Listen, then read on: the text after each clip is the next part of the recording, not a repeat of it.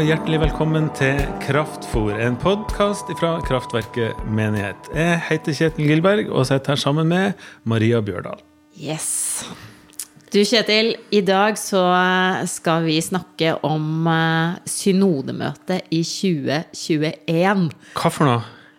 Synodemøte. Altså, det er Ja. du som er oppvokst i Frikirka. Hva i all Ja. verden er synoden? Ja, du, Det kan du spørre om. Det er altså så mange sære interne ord i denne frikirka. Synoden er generalforsamlinga. Ja. Så hvorfor ikke kalle det generalforsamling? Det kan man jo spørre.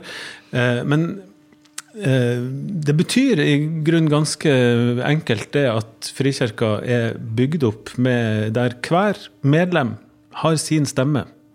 Og hver menighet som står veldig selvstendig, har mulighet til å sende sine representanter til denne generalforsamlinga. Og der avgjøres det ganske viktige ting. Og mange kjedelige ting. Men også viktige ting til det som gjelder Frikirka og gjelder hver enkelt menighet. Og nå er vi midt i en prosess som forbereder hele Frikirka til dette synodemøtet som skal være i juni neste sommer. Ja. Eh, Men eh, ja, hvorfor, hvorfor er synodemøtet så viktig for oss? Hvorfor skal Kraftverket bruke podtid og møtetid og eh, ja, alt mulig tid på, på det? Ja, hvorfor skal vi det? Det er jo rett og slett fordi at vi står i en sammenheng. Vi tilhører Frikirka, som har en, noen og 80 menigheter. Vi er en del av en familie. Ja. Og, og har lyst til å være med på familieråd når det nå skjer hvert tredje år. Så det tenker jeg er kjempeviktig. Eh, og en ting er å ha en stemme der, og at vår mening blir hørt. Det er viktig. Og så er det kjempeviktig å, å være en del av den flotte familien som det faktisk er. Så, så det er et fint møtepunkt. Det er fint å høre og se hva som rører seg der ute. Og det er fint å både møte folk man er enig med, og uenig med. Jeg kjenner jeg blir litt gira, ja, for det, det er jo litt nytt for meg. Det er mye å bli kjent med, og det er litt sånn intensivt prosess nå framover, og selve den synoderådsmøtet, eller synodemøtet, mener jeg, eh, Ja. som blir eh, da, da møtes folk, liksom. Da møtes folk. Jeg tenker jo at jo mer vi, vi engasjerer oss, jo artigere blir det. Og jo mer vi sitter på galleriet og flirer av rare begrep og teite meninger, jo kjedeligere blir det. Sånn at det der å engasjere seg, det tror jeg alltid hjelper på at ting blir interessant. Så, Men det er en grunn til til at vi burde engasjere oss neste år. hva er det? Vi har jo en sak på sakslista. Det glemte jeg. Ja, vi er nummer 15 på sakslista. Ja. Det er vel 16 eller 17 saker som skal opp. Og nummer 15 er altså det som vi på menighetsmøtet vårt i våres eh, vedtok at vi hadde lyst til å fremme til synoden. Og det er eh, at man ønsker en teologisk utredning av eh, Frikirkas syn på homofili og likekjønnet ekteskap. Vi ønsker at det skal jobbes med i Frikirka. På teologisk grunnlag, ja. Yes. ja.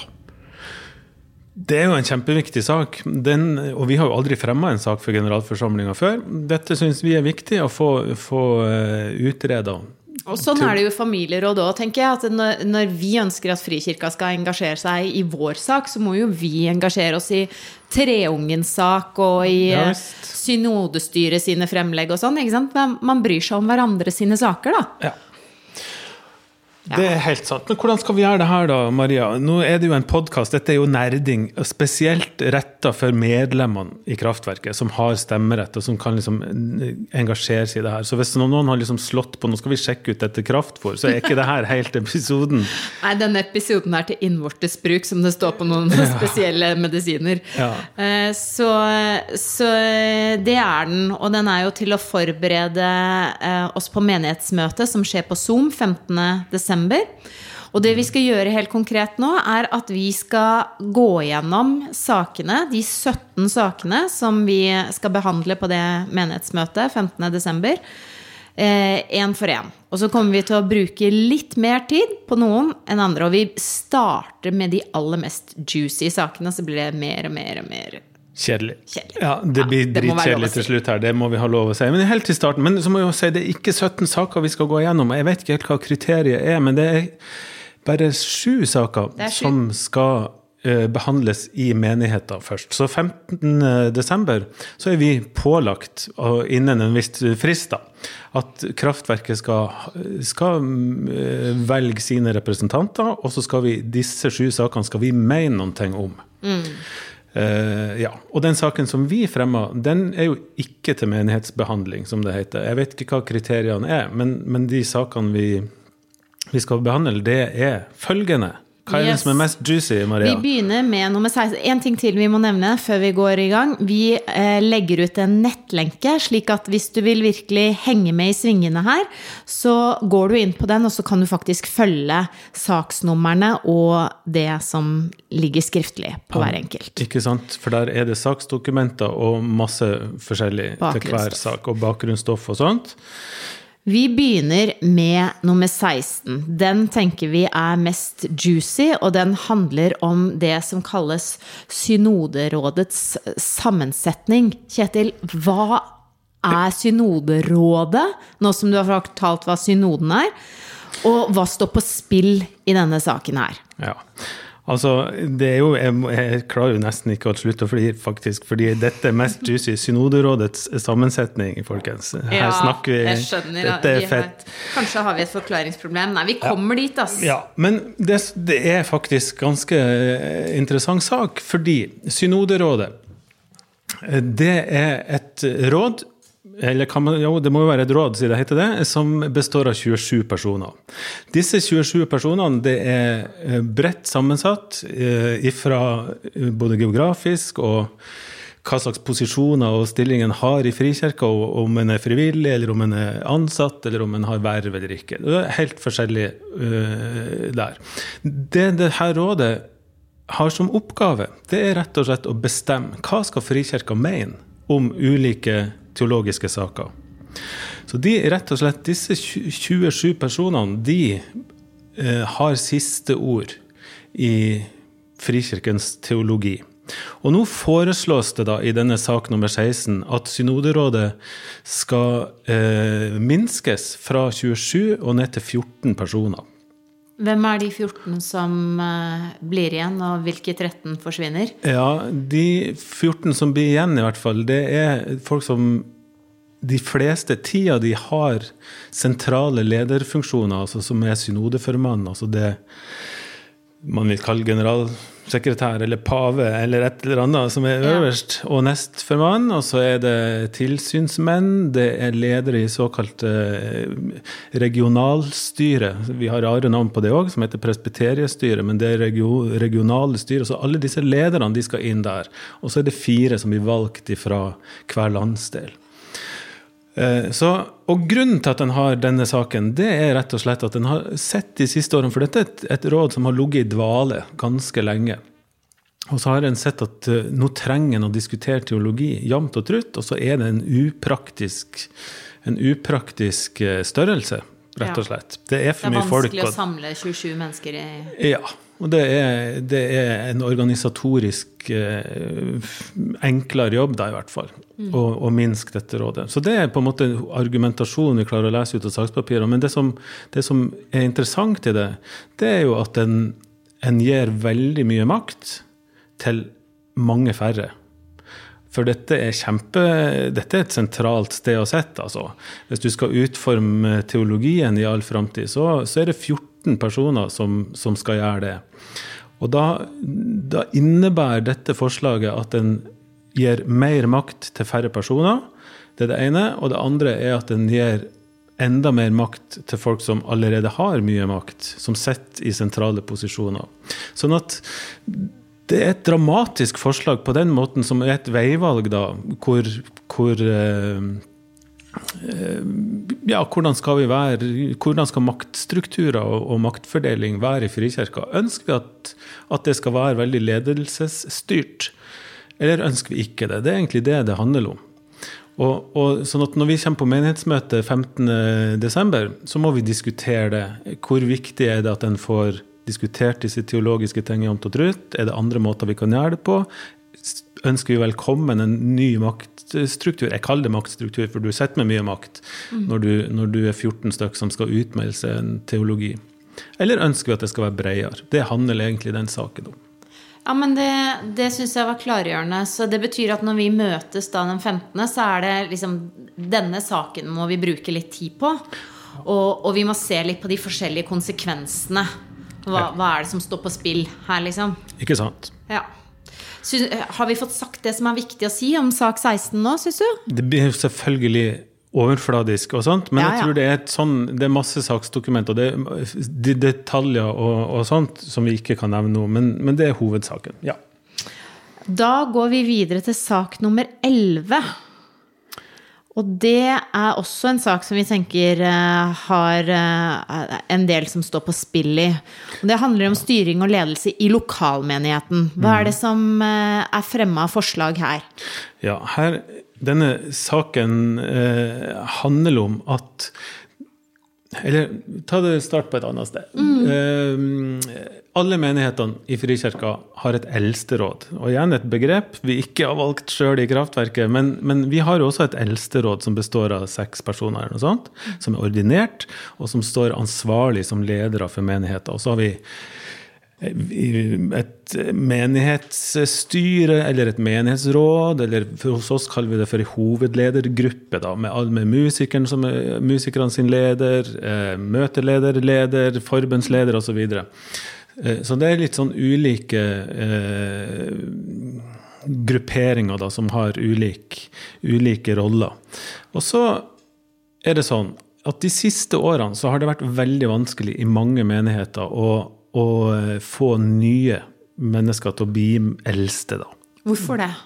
Nei, det er jo mange grunner til det, sikkert. Men en av grunnene har vært, og som har vært et forslag på tidligere synodemøte, at for dette er på livstid. Når du først har sagt ja til å være eldste, så er du liksom det Høres ut som en dom. ja, det høres nesten en livstidsdom. Eller du går vel av når du er pensjonist eller noe sånt. Men, men det å ha det perspektivet at her er du stuck, da. Med dette vervet er du stuck eh, så lenge du Det jo, har jo vært veldig vanskelig for mange. Det betyr jo Ja. eh, Så det har gjort at det er vanskelig. I noen, i noen eh, ja, Det er sikkert mange grunner til det, da, men det har i hvert fall vist seg at, at det å få et eldsteråd, det å få en ledelse som tar ansvar eh, i menighetene, det har vært kjempevanskelig.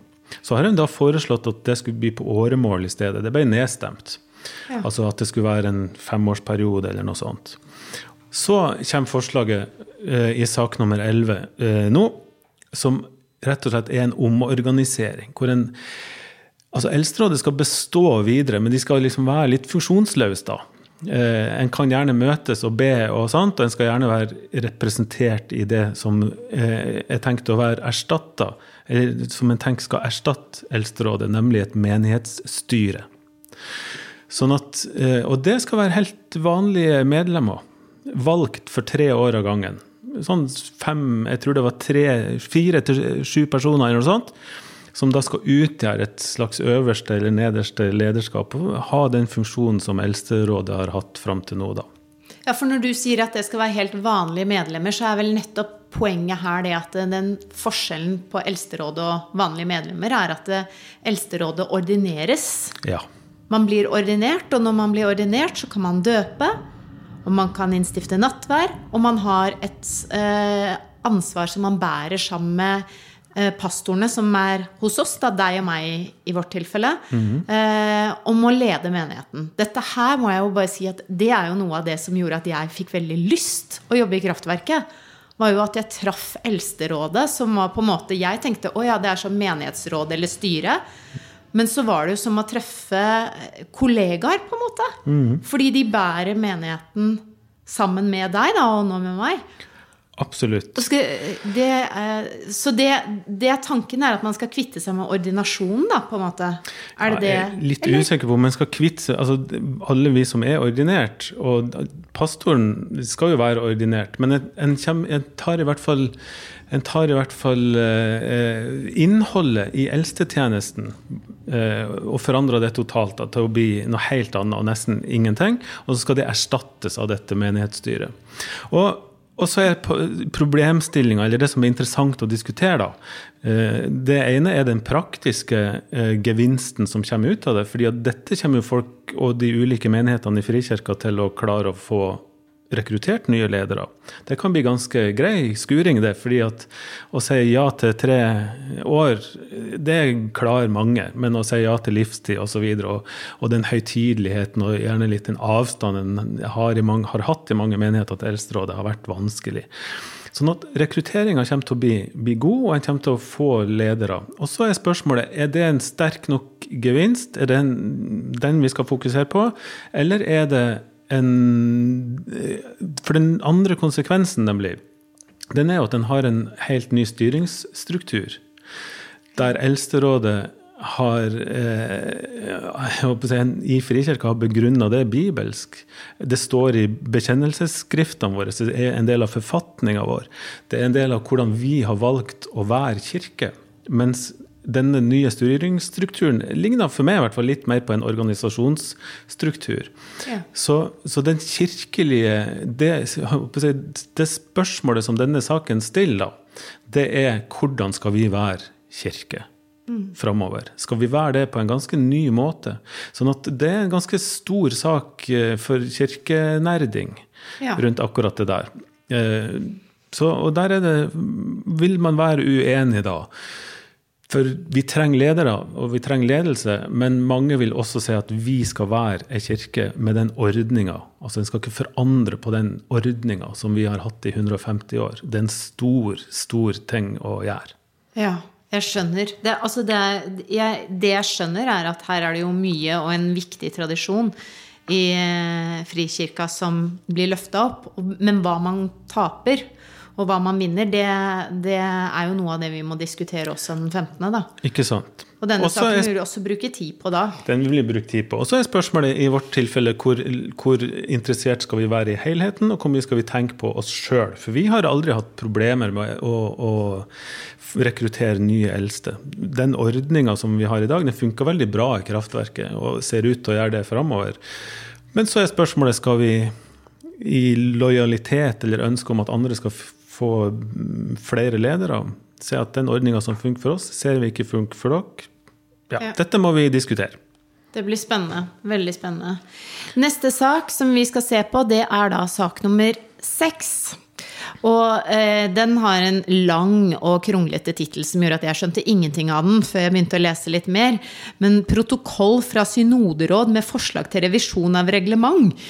Altså, det handler om dette begrepet som ofte går igjen i mange kirker og organisasjoner, kristne organisasjoner. Hvordan verne om liv og lære. Mm. Det er mange som har et sånt regelverk for hva, hvordan er man innafor eller utafor en strek. da. Ja.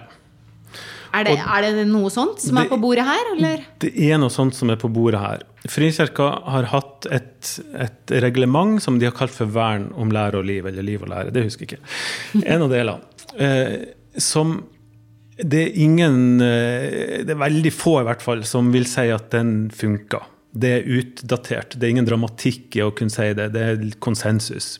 Så det en har gjort, da, det er å, å si at vi må ha et nytt sånt reglement. Og det reglementet det omhandler jo hvordan skal Kirka verne om sin lære og om livet i menighetene.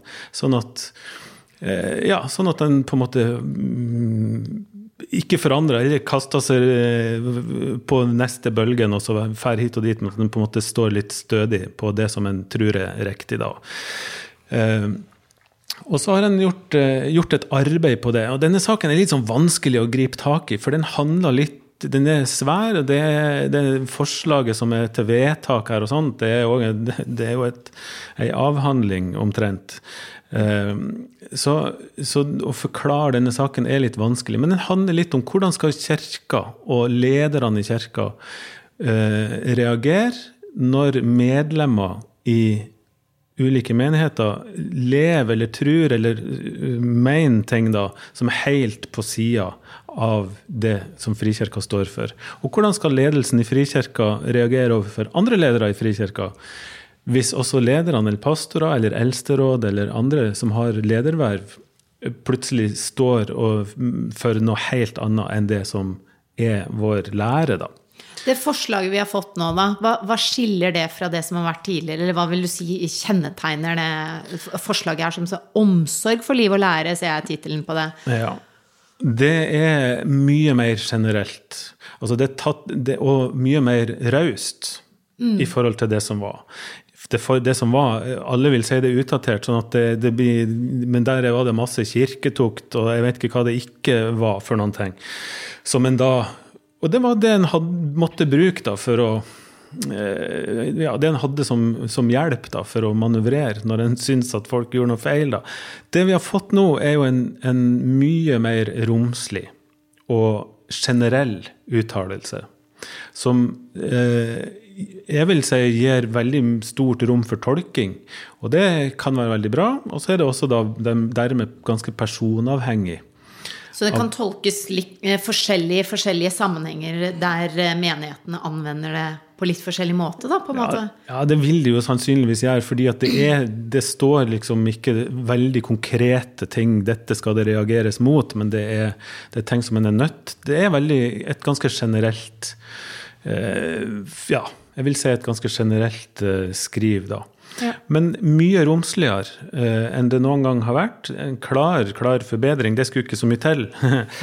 eh, og så skiller en da mellom, eh, mellom tre tre kategorier. En, en lag litt at medlemmer, vanlig medlem, eh, og en en kategori, og en leder eh, er en annen kategori, og de som er ordinert, du og jeg da, Maria, som er pastorer. Mm.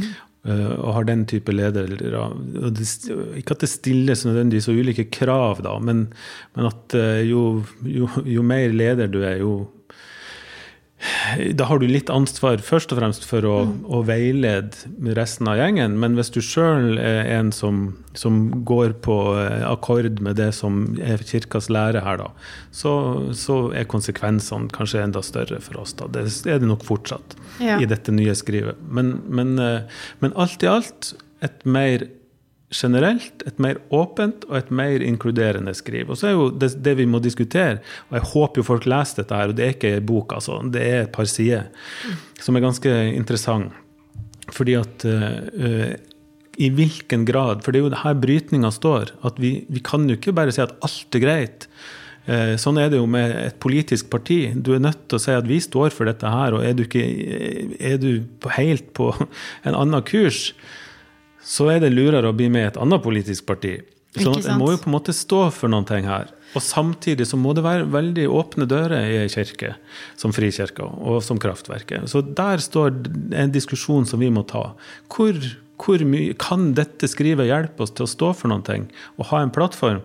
Samtidig kan den hjelpe oss til å være ei raus og inkluderende kirke. Det er det det saken står om.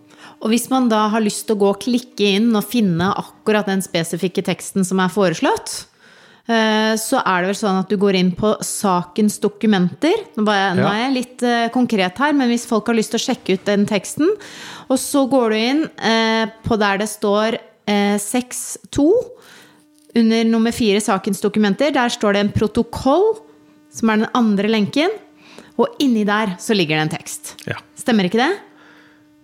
Det tror jeg stemmer. Ja.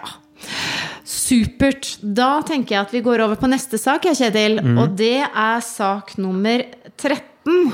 Den er foreslått, som jeg nevnte i sted, av en annen menighet, Treungen kirke, som foreslår en sak som handler om medlemskapsparagrafen. Og det er i forfatningen. altså Det er en av disse grunndokumentene som er veldig mm. vanskelig å endre på. Mm. Skal stort flertall til for å gjøre det. Men det handler jo likevel om hva eh, forskjellige typer medlemskap i Frikirka. Dette har vært litt sånn vanskelig for meg å skjønne meg på når jeg kom hit. Ja, eh, ta det med forfatninga. Jeg tror de tre sakene vi har tatt fram til nå, og også denne her, mulig en av de ikke er det, men er en såkalt forfatningssak som må ha 80% tilslutning på synodemøtet. Og da skal den behandles på nytt gjennom tre år, og får den da tre, to tredjedeler eller noe sånt, så er den da vedtatt. For det skal mye til for å forandre noen ting i forfatninga. Mm. Og får den ikke 80% så er det falt. Da snakker vi ikke mer om den saken. sånn funka synodemøtet da. Ja. Eh, og så er det dette med medlemssaken og kategoriene. Altså, det fins ulike typer medlemskategorier, og de har blitt forandra de siste årene. Så nå har, vi, har du, en, hvis en er over 16, tror jeg det, mulighet for å bli medlem med stemmerett. Og så er det noen som sier at jeg ønsker å ha en tilhørighet til denne kirka, men jeg, jeg, har ikke lyst på stemmerett. Jeg har ikke lyst til å binde meg opp til noen ting som helst. Så da har en en medlemskategori som heter tilhørig. Mm. Eh, har, og, jeg lurer på om det er der barn eh, hører til. Inntil en blir gammel nok til å kunne ha medlemskap med stemmerett. Ja. Så denne saken den handler om, om hvordan, medlem, hvordan, man kan bli medlem med stemmerett. Og Treungen frikirke har reist denne saken fordi de og mange andre menigheter, det har vi også opplevd, at, at folk kommer til menigheter med veldig ulik bagasje og ulik bakgrunn. Sånn at, eh, og i Kraftverket og i Frikirka så døper vi barn. Men så er det mange som har en pinsebakgrunn, som har troendes dåp som sitt dåpssyn. Mm. Så, men så bor jeg nå i Treungen, da, og elsker å være i Frikirka og er en del av den. Mm. Og så sier da det, for, det reglementet vi har nå, at hvis du har et helt annet dåpssyn, eller en helt annen, ja, et helt annet syn på vesentlige ting, da, så kan du ikke få stemmerett. Og da foreslår Treungen at sånn kan vi ikke ha det alle som ønsker det, og innen rimelighetens grenser, da, men også dåpssyn skal ikke være ekskluderende for hvorvidt en kan bli medlem. Men en skill mellom et medlem og det å ha lederverv, da. Mm. Så, så, det Treungen frikirke har gjort, det er å lage et nytt forslag. Der de sier at en, en skill mellom et vanlig medlem og det å ha lederoppgave. Og at hvis du går inn som vanlig medlem, så, så er ledere forplikta på å si at vi står for dette og dette, og sånn og sånn og sånn. Og det må du være lojal med, mot, men du må nå mene hva du vil. Men hvis at du har tenkt å bli ordinert og bli leder her, så, så må du rett og slett ha et annet syn. Ja, og for å være vanlig medlem, så er det bare da å bekjenne troen på Jesus. Ja. Og så har synodestyret, altså vårt eh, øverste styrende organ, kommet med et alternativt forslag der de har eh, spissa, spissa ordlyden litt og sagt at, at uh, Hva er det de har sagt for noe, da? Jo, de har sagt at deltakelse i menigheter er en viktig, ja. en viktig, uh, et viktig kriterium. Altså at man ikke vil ha sovende medlemmer eller folk som da ikke bor der osv. En vil ha folk som, som, er en aktiv del av medlemsmassen. da. Så er, den saken handler om det. Det er er tre muligheter. Det ene er å si at nei, vi vil ha det akkurat sånn som vi har hatt det. Det er det ikke noe forslag på, men det kan komme opp. Den tredje, eh, andre er å si at treungens modell er fin. Det tredje er å si at synodestyrets modell med deltakelse er fin. Og det får vi diskutere. Og igjen så kan du gå inn på sakens dokumenter og klikke på de to innstillingene og se nettopp hva treungen har foreslått, og hva synodestyret har foreslått. Ja. Og så snakker vi mer om det den 15. Ok, neste sak på blokka, det er sak nummer tolv. Og den er, uh, har tittel 'Forfatninger, reglement og retningslinjer'. Og sånn som jeg har skjønt, så er det en mer sånn språkteknisk sak. Vet du, den saken der den har jeg bare lyst til å hoppe over. Det er jo fælt ja, å si. Skal vi gjøre det? Ja, kan vi ikke bare gjøre det? For den, den, er kjempesvær. Uh, og den den, eh, den handler om formaliteter.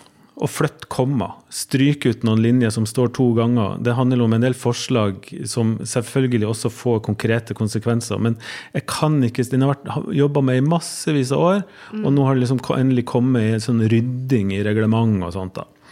Og eh, den var faktisk så kjedelig at den gadd ikke å lese tvers igjennom. Det er så fint å innrømme ting som er, Kjetil. Da hopper vi over den, og så går vi videre til sak nummer ti. Hva er sak nummer ti? Jo, da begynner det å handle om økonomi og sånn. Ja. Nå må du si hva det går i. Ja, skal jeg prøve det? Ja. Altså, Slik som jeg har forstått det, så er det eh, slik at i dag så beregnes det hver enkelt menighet i Frikirka betaler inn til felleskassa, altså hovedorganisasjonsstrukturen til Frikirka, det beregnes ut ifra hvor mange medlemmer vi har i mm. hver enkelt medlem, kirke. Eh, men så er det jo veldig forskjell på hvor mye hvert enkelt medlem kan betale. Alt etter på Så har du mye studenter, eller bor du i indrefileten der veldig mye øvre middelklasse bor. Um, men så er det også dette her med om man har en del sovende medlemmer, eller folk som ikke er så aktive og eh, på en måte har vært del, men ikke har meldt seg ut, og ikke bidrar økonomisk. Og da kan det jo bli litt urettferdig om en menighet som har 300 medlemmer, da, men egentlig bare 150 eller 100 som er aktive og faktisk betaler inn til felleskassa i menigheten, skal beregne hvor mye man skal betale tilbake til Frikirka, basert på 300 fremfor de 150 eller 100 som faktisk er med. Det, det oppfatter jeg er liksom utfordringen da, som gjør at dette her er tatt opp. Og så har man kommet fram til eh, flere forskjellige forslag på hvordan kan man gjøre dette på en ny og litt mer fair måte. Eh, Hvilke og, forslag er det, da? Åh, det, altså, er det ikke fire forslag? Jeg lurer på Nå må du hjelpe meg, Kjetil. Uh, for det som jeg i hvert fall fikk mest sansen for, da, for mm. å spill the beans, var en sånn todeling. At halvparten baseres på inntektene til menigheten. Og andre halvparten av det vi skal bidra til felleskassa, baseres på hvor mange medlemmer vi har. Ja. Så det er på en måte en sånn, et kompromiss, da mellom eh, det å bare fortsette som i dag, at det baseres på de som er medlemmer, ferdig snakka, eller å bare se på inntektssida til menigheten. Men hva er det tredje forslaget? Eller fjerde forslaget? Fjerde forslaget. Det, det, her er veldig bra. Nå skulle unnt alle sammen å se kroppsspråket til Maria. Det var ivrig og høyt og lavt. Helt nydelig. Og, ja Nei, det fjerde forslaget, det er en eh, Altså hvordan skal jeg forklare det? da? Det har med medlemskap å gjøre. At en, at en bereng, beregner også altså, Sånn som jeg har forstått det i dag, så gir en ikke bidrag hvis eh, Eller for de medlemmer som ikke har stemmerett. Men så er det en modell om at alle medlemmer skal telle, og så er det en modell om at det er bare de med stemmerett som skal telle.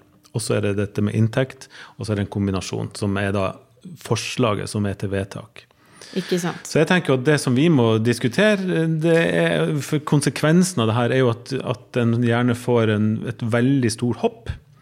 Fra hvis ja. man har gitt veldig mye, og så er mange sovende medlemmer, så får en plutselig veldig lite bidrag.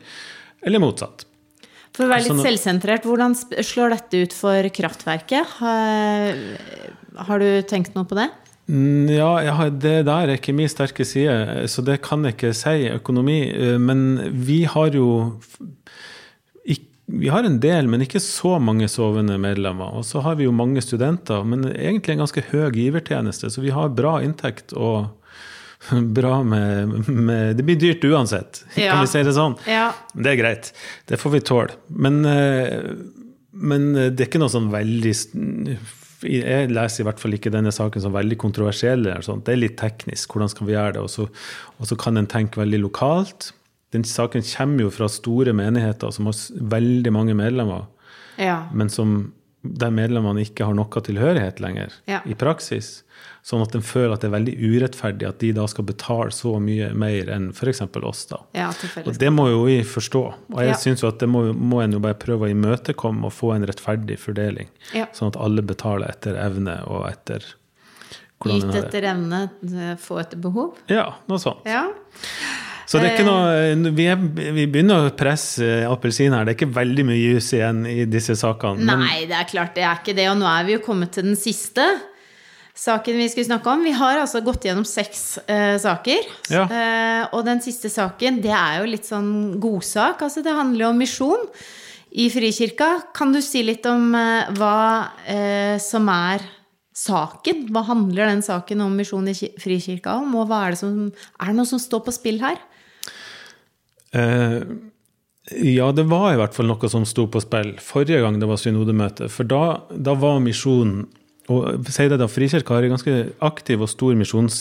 Eller avdeling. De har i hvert fall mange misjonærer i flere land. Og misjonsarbeidet har vært en viktig del av Frikirka i, i alle disse årene.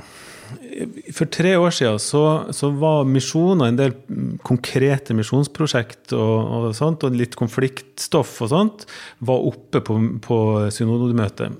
Og det førte til at folk, noen spurte stilte spørsmål skal vi legge ned hele greia. Og i stedet for å gjøre noe så dramatisk, da, så har en da ble en enig på det møtet at nå skal vi sette ned et utvalg som utreder alt mulig rart med eh, misjonsarbeidet i Frikirka. Organiseringa, omfanget, målsetning og strategier, hvordan bruker vi ressurser osv. Alt dette skal de evaluere. Og så har de kommet med sin rapport. Og den er det vi må forholde oss til. Og i den rapporten så står det egentlig ikke veldig mye sånn revolusjonerende, spør du meg. Det står at vi skal fortsette med misjonsarbeidet sånn som vi har gjort fram til nå. Men vi skal gjøre noen justeringer. Ja. Og gjøre det mye mer fleksibelt. Eh, kanskje å få økonomien til å gå rundt på en litt annen måte rekruttere litt på en annen måte, være obs på ja. Er det justeringene, handler det liksom om å fornye engasjementet? Og, Også det. Om, Hvordan kan vi gjøre det, liksom? Og, Ja. og sånt da. Men så skriver en til slutt at en har ingen konkret handlingsplan på dette. Her har en kun laga et Det må lages etterpå. Men her har en gitt en føring på at vi skal beholde, eller et råd, da, til synoden om at vi skal beholde misjonsarbeidet sånn som det er, men gjøre det litt mer fleksibelt, litt mer Ja, og satse på litt andre områder. Men ingen dramatikk i det forslaget. Med mindre de som var der for tre år siden, sier at nei, det her går vi ikke med på, vi skal legge ned hele greia. Det kan jo også være et synspunkt å komme som et forslag fra benken, men, men foreløpig så ser det ganske eh, streit ut. Ja. Ja. Du Kjetil, nå har vi eh, gått gjennom sju saker. Og eh, jeg kjenner jo at det er fortsatt ting jeg må lese på fram til eh, den 15., og i vårt arbeid med det. Eh, Samme her. ja, ikke Ja, sant? Det er jo mye stoff. Men jeg tenker det er jo litt vår jobb da, å få dette til å bli, bli forståelig Ja. for folk. Og det må vi klare på det møtet. Og så tenker jeg at vi får, vi får velge noen saker vi bruker mye tid på, og så kanskje noen av de siste sakene at vi ikke bruker så mye tid på det. Og vi håper jo virkelig at folk har lyst til å dukke opp på det møtet og ta del. Ja.